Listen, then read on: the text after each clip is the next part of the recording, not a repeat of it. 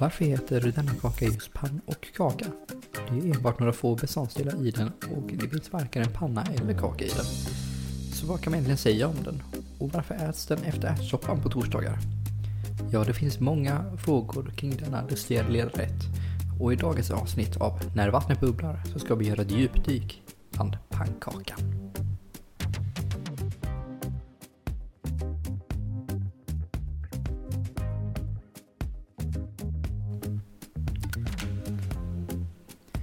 Först och främst är det läge att börja djupdyka i vart pannkakan kommer ifrån.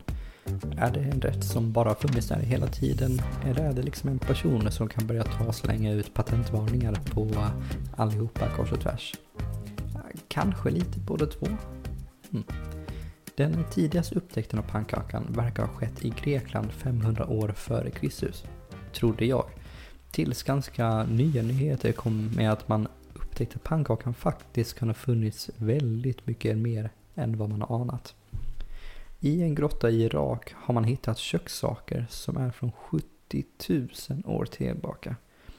Och ibland detta har man hittat saker som tros vara en blandning av frön och vatten. Denna första stadiets pannkaka är ganska olik från hur den är idag, men en sak är garanterad. Den var platt. Och när man tänker på hur det finns så många olika sorters pannkaka så är det det enda faktiska regeln om den, att den just ska vara platt. Därefter gjordes upptäckten av eh, omkring 30 000 år sedan eh, att man kombinerade mjöl och vatten som en liknande pannkaka idag. Men på Grekland 500 år före Kristus, på den tiden hette det en massa konstiga bokstäver så det finns en massa konstiga saker om det som ser ut att bilda ordet tangenon eller någonting i den stilen. Eh, och översättning till det är pannkaka. Det verkar som att även grekerna hade lika lite fantasi som vi när det kommer till att döpa saker. Men man måste ju ändå diskutera varför heter det just pannkaka? Pannan kan jag köpa, men var kommer kakan ifrån? Jag tycker det är lite fattigt av dessa greker att inte ha koll på att kakor innehåller bakpulver och jäst. Eh, de lyckas reformera demokratin i Aten, men inte fastställa begreppet kaka. Denna kaka var gjord av vetemjöl, olivolja, honung, jäst och mjölk. Antagligen användes jäst och mjölk för att det var det man hade tillgängligt. Men om man hade lite mer originella smaken av hur man gjorde den originella pannkakan från Grekland då så skulle man nog kunna testa sig fram genom att blanda kefir och mjölk för att få en bra konsistens av den. Det upptäcktes av en annan typ av pannkaka gjord på dinkelmjöl, vilket har mer protein än vanligt mjöl och gör att den håller ihop lite bättre än vanlig metemjöl. Oavsett så, så var denna eventuellt lite tjockare. Enligt Athenaus, ja, du får eh, förlåta mig på uttalet av namnet, så toppades denna pannkaka med honung, sesamfrön och ost. Det låter faktiskt som en riktig höjdare att kombinera det. Den kan faktiskt vara god och ganska smaka.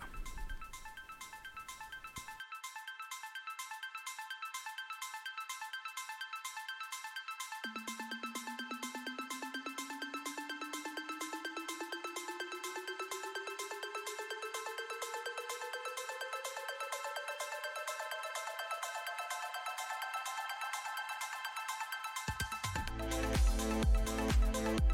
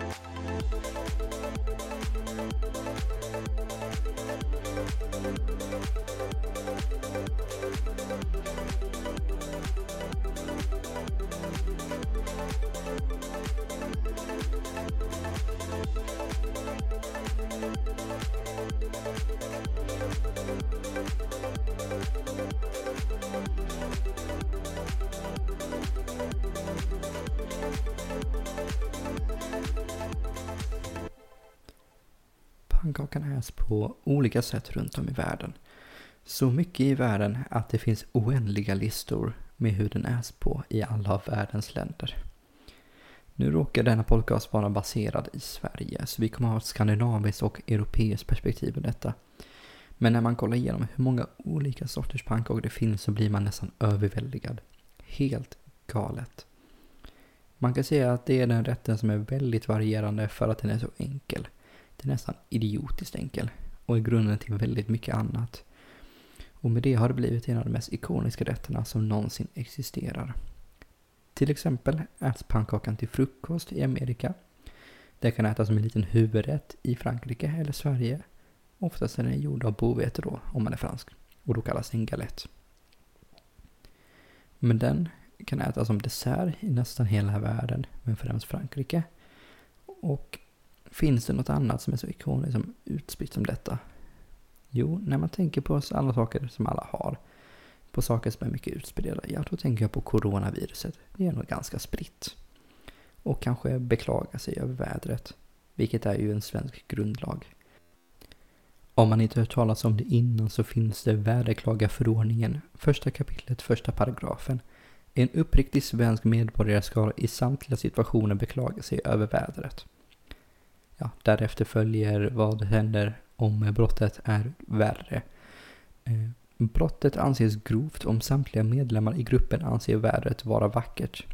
Vid sådana fall ska gruppen hänvisas till immigrationsdirektoriet i Norge. Eh, ja, så nu har vi en god och uppriktig idé om vad pannkakor äts som lunch eh, i Frankrike och Sverige. Till slut har vi kommit fram till att pannkakor äts som dessert. Och detta blir ju självklart inte en introduktion. Man kan äta det till nästan vad som helst och det blir gott. Förutom mintchoklad. För det står i tredje paragrafen och där hänvisas man istället till lagen om omhändertagande av vanvettiga personer.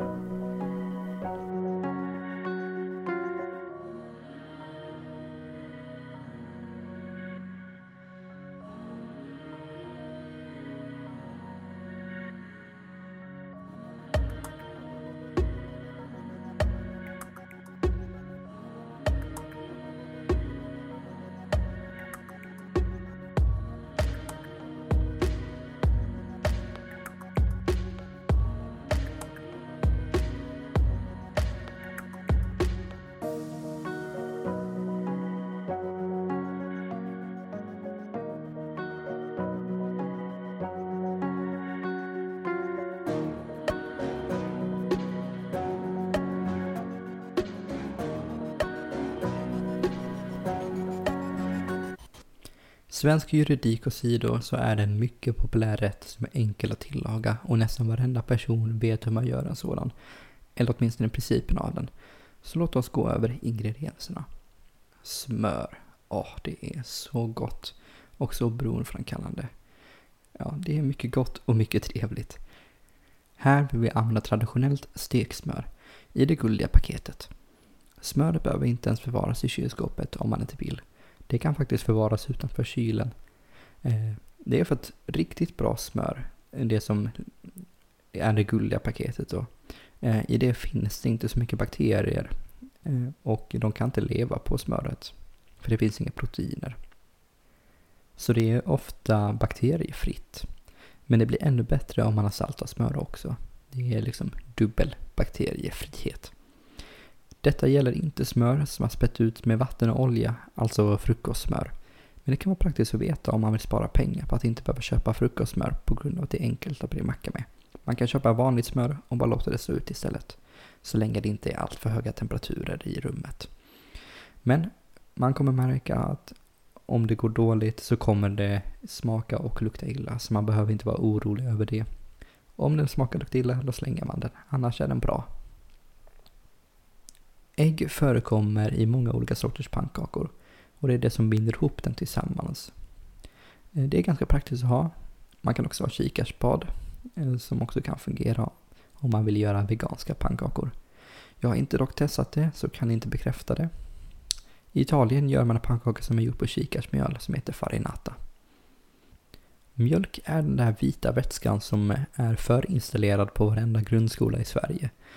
Om man bjuder mig på pannkaka så skulle jag rekommendera laktosfritt. Inte bara för att då slipper min mage göra uppror och revolt. Säkert att den var sur på vädret när man åt pannkakan. Så var vädret för bra eller något annat. Eh, jag har moralisk väderkompass inbyggd. Men också för att laktosfritt har mycket längre hållbarhet för att mjölken pasteuriseras. Det betyder att fabriken tar och värmer upp den jättevarmt i några enstaka sekunder. Ungefär 120-130 grader. Och sedan ner igen. Detta tar död på många bakterier, så den logaritmiska tiden för bakterier, eh, den eh, blir längre. Mjölet är nog den viktigaste delen av pannkakan och för en helt vanlig smet kan man med gott samvete använda vanligt vetemjöl i den. Det kommer bli dundergott. Men om man känner sig experimentell så kan man testa att använda bovete. Även om det låter som att det är den vanliga sädesslagen så är den inte det. För egentligen är det en ört. Detta gör bovete väldigt bra om man vill göra glutenfria pannkakor utan att använda det där hemska mjölet som man annars behöver skaffa. Bovete ger en mer matig smak och passar bra för galetter, som är matiga crepes. Men det finns ju kikärtsmjöl för den italienska farinata. Denna smakar också lite liknande till hur bovete är och serveras ofta som förrätt i vissa italienska regioner, till exempel Ligurien, vilket är norr om staden Pisa, där det lutande tornet med samma namn står och lutar.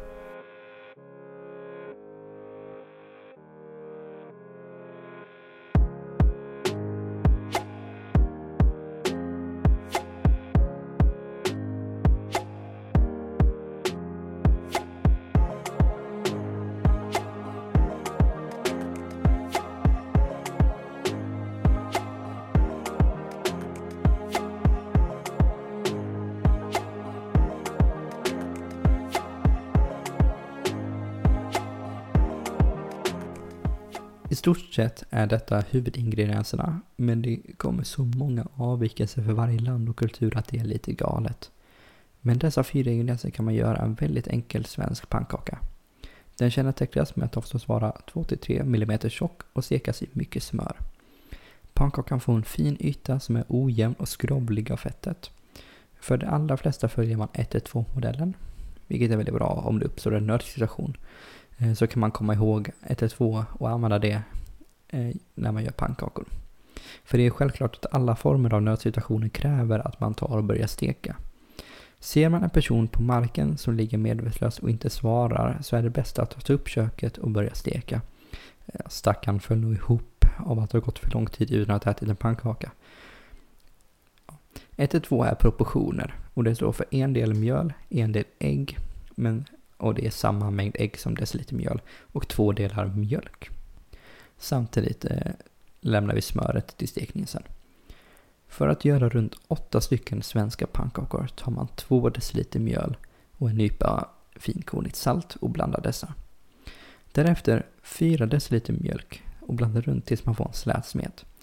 Det kan vara praktiskt att göra detta innan man har det i äggen, för äggen kan göra det svårt att bli av med klumparna sen. Oavsett, vi har 2 deciliter mjöl och två stycken ägg. Knäck äggen mot en platt yta. Det gör att äggen håller ihop bättre och färre småbitar hamnar i smeten. Eh, och sen blanda, blanda, blanda, blanda, blanda. Och då är man klar med smeten. Under tiden man gör den så kan det vara bra att förvärma stekpannan med lite smör i. Jag skulle tänka mig att en till två matskedar räcker för en pannkaka. Av smör då. Den första pannkakan kommer troligen inte bli så bra. Eh, det, brukar bero på två olika saker. Den första är att pannan inte är tillräckligt varm. Om så är fallet så kommer den vara blek och sakna yta. Det är ganska enkelt att lösa med att låta den ligga kvar där en stund till tills det har löst sig. Ja, att den har fått lite bättre yta. Det andra problemet är att pannan är för fettig. Och finns det för mycket fett i den så blir det inte en stekt pannkaka utan snarare sagt en kokt eller halvfriterad. Man märker det genom att den ofta blek men också har ett tydligt fettigt lager ovanpå sig. Efter man har vänt den. Om man har väldigt mycket fett så skulle jag rekommendera att bara hälla det i smeten och sedan välja att inte ha smör i pannan därefter. Den första pannkakan kommer också ha sugit upp en del av fettet så när nästa pannkaka lagas så kan det nog vara lugnt redan då. Det är viktigt att smaka på första pannkakan. Men när man äter den så får man bortse från att texturen eller fettmängden är fel. Det man ska leta efter när man smakar på den, det är om den har tillräckligt mycket salt i sig. För detta är ett ypperligt tillfälle att ha i mer om det behövs. Så man smakar av pannkakan Finns det tillräckligt mycket salt? Mm. Mm. Och sen därefter häller man i lite mer i smeten och blandar dem. När pannkakan ser färdig ut så tar man den och serverar med grädde och färska bär om det så finns. Ja, eller vad man annars vill, men det är ju gott att ha de två. Om det är riktigt traditionellt så äts ju detta på torsdagar i samband med ärtsoppan. Det sägs att soppan var till för att man ska stå riktigt bra inför fredagsfastan. Däremot är det ganska okänt hur pannkakan kom in i den mixen. Men det är säkert av en riktigt bra anledning som att det var gott. Det brukar ätas i lumpen, så gissningsvis var det för att höja moralen bland trupperna. Eh, för att även ungdomar med gevär gillar att äta god mat.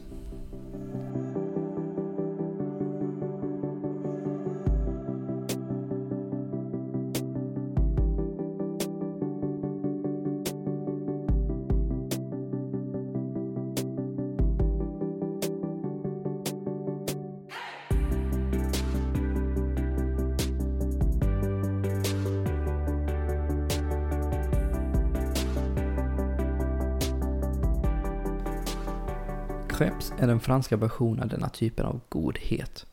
För en fransman skulle jämförelsen mellan svenska och franska pannkakan vara enorm. Crepes är mycket tunnare och mycket större om man köper den på stan. Den är ganska lik med hur man gör en vanlig pannkaka men man kommer märka väldigt tydligt att det finns en ganska stor skillnad när man gör den.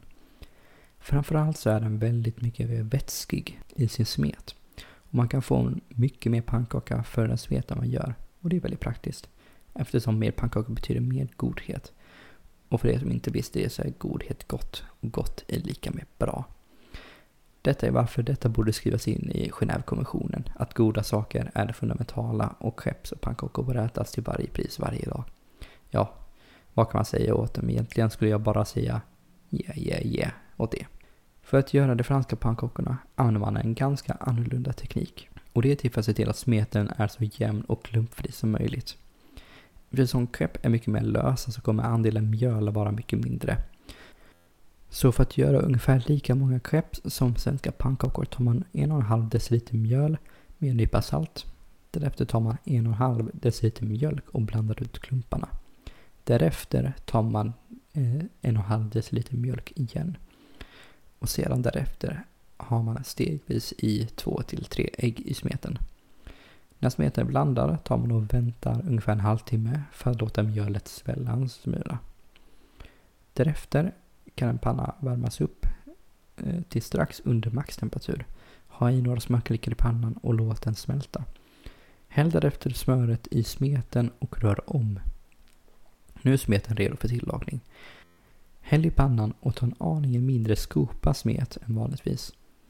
Eh, när man gör det så kan det vara bra att hålla upp pannan och skaka omkring. Alternativt kan man ta undersidan av sleven och meja omkring i pannan. Detta är för att få så tunt lagersmet som möjligt. Man vill inte ha tjocka saker här. Det tar ungefär 45 sekunder att göra första sidan av kreppen och därefter runt 20-30 sekunder att göra andra. Så det ska gå väldigt fort att göra den här typen av pannkaka. Förresten gäller samma proportioner i bovete istället för mjöl om man ska göra matiga versioner av crepes. Man vet om smeten är bra om det bildas små, små, små bubblor eller hål runt kanten av pannkakan. Då är det en väldigt tunn och fin yta.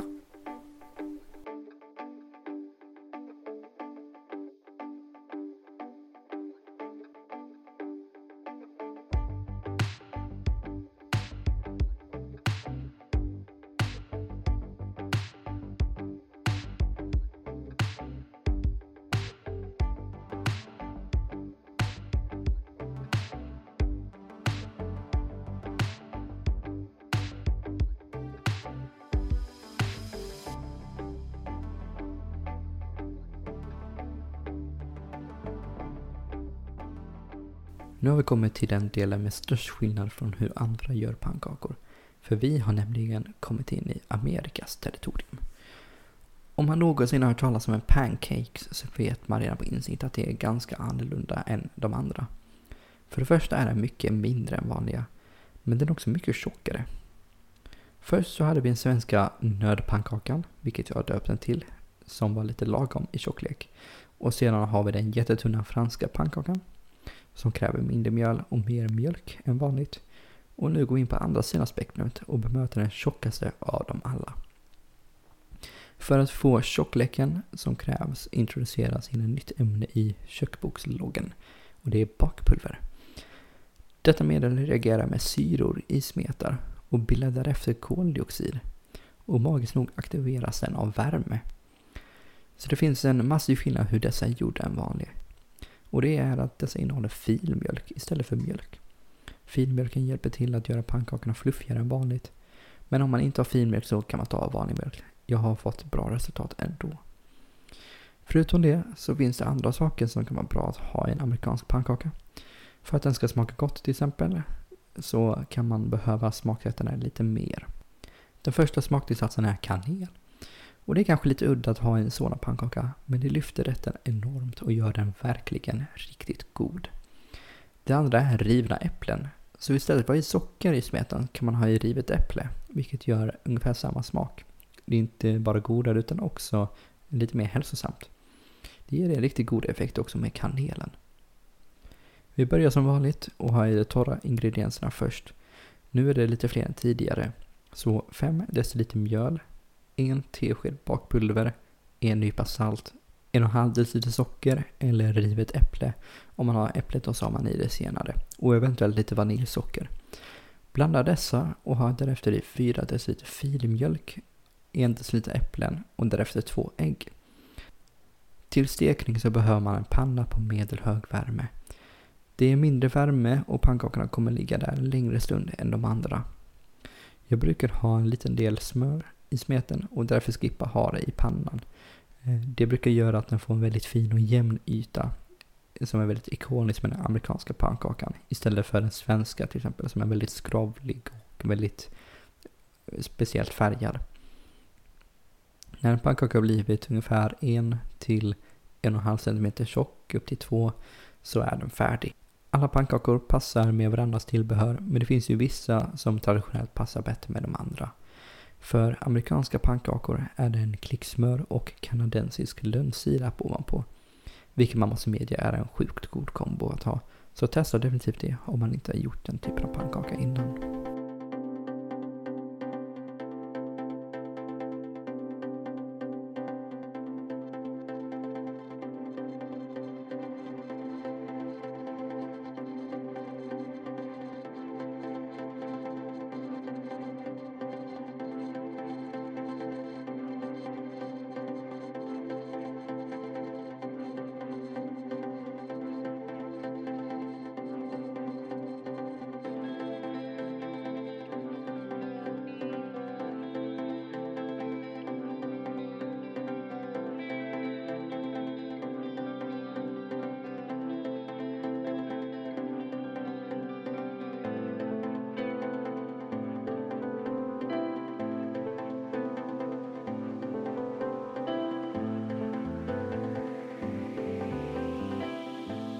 Så nu har vi färdats från vårt kära hemland till det kulinariska riket och sedan vidare till svajande rättssystem. Men det finns så mycket mer än bara dessa. Så jag tänkte ägna en viss del av detta avsnitt med lite kort gå igenom lite andra olika sorters pannkakor som man kan stöta på i världen. Om vi tar oss tillbaka till Sverige igen så har vi den klassiska raggmunken. Den är vansinnigt god och känns väldigt svensk. Raggmunken är gjord som en pannkakssmet men sen har man riven potatis i den också. Och det gör pannkakan får en mycket mer matig känsla. Traditionellt serverad med lingonsylt och någon form av fläskträ. Jag tycker denna rätten är väldigt passande om man vill bli av med potatis eller om man tröttnar på att ha ugnspotatis. Då kan detta vara ett bra alternativ. Etiopiska pannkakor är väldigt speciella. Det heter injera och använder sig av speciellt mjöl kallat teffmjöl. Det är lite speciellt för den bildar nästan en omedelbar form av surdegsjäst när man gör den. Och när man kombinerar mjöl med vatten så ska den stå och jäsa i fyra dagar innan man fortsätter tillaga pannkakan. Därefter använder man kokande vatten i smeten så man får rätt konsistens för pannkakor. Detta låter som en väldigt avancerad process jämfört med hur man brukar vanligtvis göra pannkakor. Men den är ganska smart för man behöver bara använda vatten, mjöl och lite olja. Och detta är väldigt praktiskt då om man har tillgång till till exempel ägg som bindemedel är lite ostadig. Så då kan man ta istället gästen som bindemedel. I Japan finns det en soufflépannkaka som är lite speciell. Den är jättehög och väldigt fluffig. Den är speciell för att den innehåller maräng och annat sött. Så det är en rejäl dessert som är gott att äta med bär. Den passar verkligen till det som gillar den typen av textur, som fluffiga saker, maräng och lite annat sånt. Lite speciell är också att den har sirap i smeten, så den är väldigt söt och en riktig höjdare. I Indonesien kallar man pannkakor panikuk. Men det finns en väldigt speciell typ som heter serabi, som är traditionellt till Java. Den är gjord på väldigt speciella ingredienser och är en grön pannkaka. Den består av rismjöl, tapiokomjöl, vilket är likt bovete och att den kommer från ört. Denna är en maniok som förekommer i Asien och Sydamerika. Därefter lite jäst, socker, kokosmjöl och sedan viktigaste pandamextrakt. Vilket har en väldigt speciell smak som man närmast skulle kunna kalla till söt mintsmak.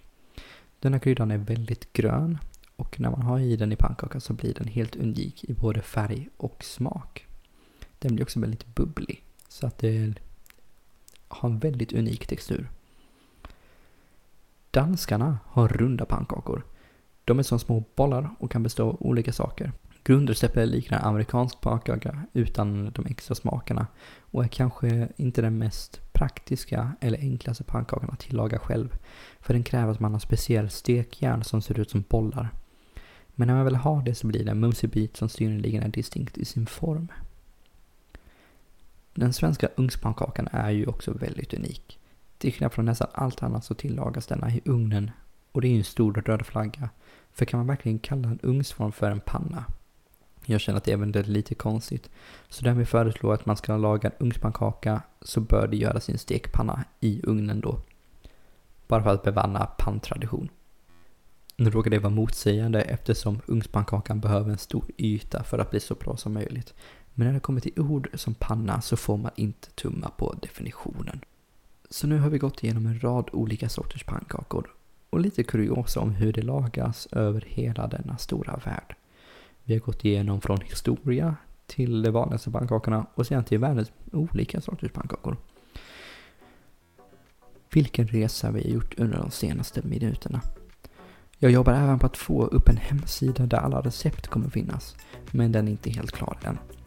Under tiden så hoppas jag att du har lärt dig mer om hur sådana tillagas och att det har varit givande att lyssna på detta avsnitt av När vattnet bubblar. Jag heter Filip och vi möts i nästa avsnitt.